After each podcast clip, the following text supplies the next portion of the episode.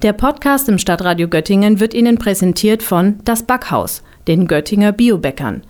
Für mehr Infos folgen Sie uns auf Facebook slash das Backhaus und Facebook slash das Biohaus. Herr Hartmann, Nordheim möchte sich mit einer GmbH neu im Bereich Tourismus und Marketing aufstellen. Aus welchem Grund ist das nötig? Wir haben in Nordheim wirklich sehr, sehr gute Voraussetzungen. Mit einer Stadthalle, mit einer Waldbühne, die wiederbelebt werden konnte in den letzten drei Jahren mit großartigen Konzerten und Tausenden von Besucherinnen und Besuchern. Wir haben beispielsweise mit dem Theater der Nacht ein absolutes kulturelles Highlight.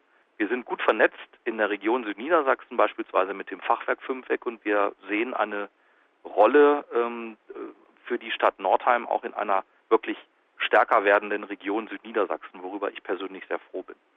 Und wir haben viele engagierte Akteurinnen und Akteure in Vereinen, in der Innenstadtgemeinschaft, in unseren Dörfern, in der Stadtverwaltung, in der Politik, in der Gesellschaft. Also das gibt eine Reihe von Akteurinnen und Akteuren, die gute Arbeit leisten.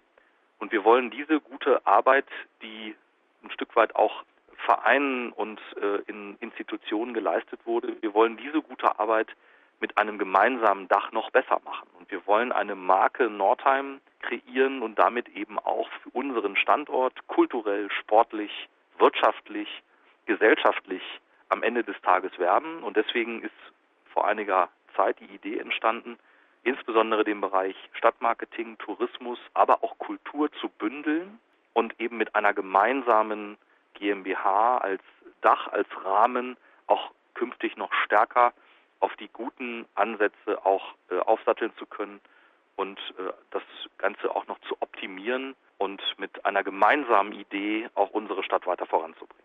Sie haben ja schon angesprochen, dass sozusagen die Bündelung ähm, ein Thema bei der Gründung der GmbH ist. Welche Optionen bietet sie dann, also bietet die GmbH dann konkret durch diese Bündelung?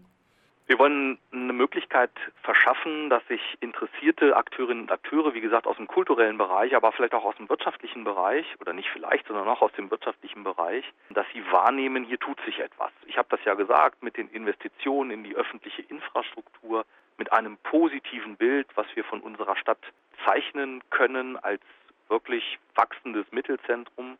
Und ähm, das ist der Benefit, den wir uns erhoffen. Wir werden stärker noch mit einer Sprache sprechen. Wir werden natürlich auch eine gemeinsame Leitbildidee für unsere Stadt jetzt auch noch besser und stärker entwickeln können. Und damit können wir natürlich einerseits in der Region auch für unseren Standort werben. Wir können aber auch darüber hinaus in Niedersachsen, aber auch in den angrenzenden Bundesländern für den Standort Nordheim werben. Mir ist dabei immer ganz wichtig zu sagen, wir sehen uns tatsächlich als Kreisstadt und als Mittelzentrum, als Partner in einer stärker, in einer stärker werdenden Region Südniedersachsen. Da ist in den letzten Jahren viel, viel ermöglicht worden, auch durch die Unterstützung der Landesregierung, aber eben auch dadurch, dass die Region mittlerweile viel, viel stärker als noch vor Jahren zusammensteht und gemeinsam auftritt. Ich habe da ganz viele Beispiele der positiven Zusammenarbeit in der Südniedersachsen Stiftung, im Fachwerk Fünfeck, im kulturellen Bereich, im sportlichen Bereich, im wirtschaftlichen Bereich. Und wir sind fest davon überzeugt, dass wir mit einer GmbH unsere Stadt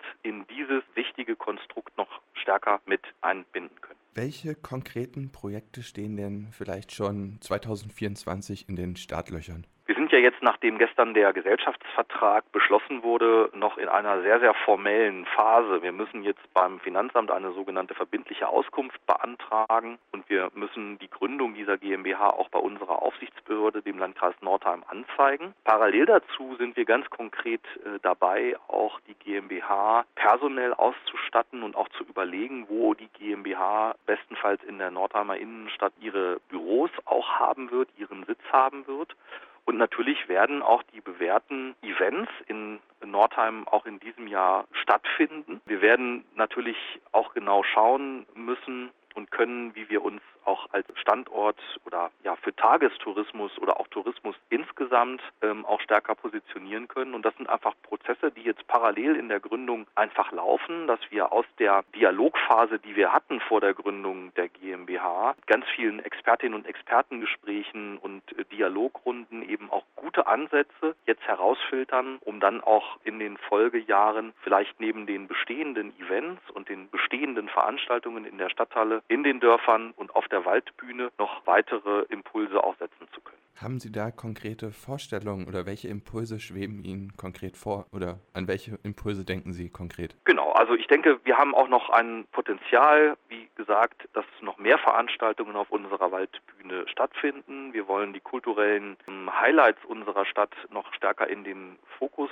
bringen, beispielsweise mit dem Theater der Nacht. Wir wollen aber auch ganz klar die örtliche Wirtschaft stärker wieder an die Idee der Weiterentwicklung unserer Stadt heranführen und gemeinsam mit den Wirtschaftsunternehmen auch zum Beispiel über das Thema Fachkräftegewinnung und Standortattraktivität ins Gespräch gehen. Dafür haben wir auch Grundlagen geschaffen, auch als Stadtverwaltung mit einer gut funktionierenden Wirtschaftsförderung, mit Wirtschaftsforen, die wir anbieten. Das heißt, wir bringen auch als Stadtverwaltung in die neue GmbH eine ganze Menge richtiges Fund rein, indem wir eben Strukturen aufgebaut haben, auf die es jetzt aufzusatteln gilt. Und es wird in Zukunft aus meiner Sicht mehr Übernachtungen in Nordheim geben. Wir werden mehr Events haben in den Kulturstädten, aber auch in unseren Dörfern. Wir werden touristisch attraktiver werden können, auch zum Beispiel für das Thema Wohnmobil, Wohnmobilisten. Und wir werden eben auch in der gemeinsam mit der Nordheimer Sport- und Freizeit GmbH und der Stadtverwaltung eben auch unsere großen Chancen im Bereich der Sportförderung als Sportstandort auch gemeinsam weiter herausstellen können.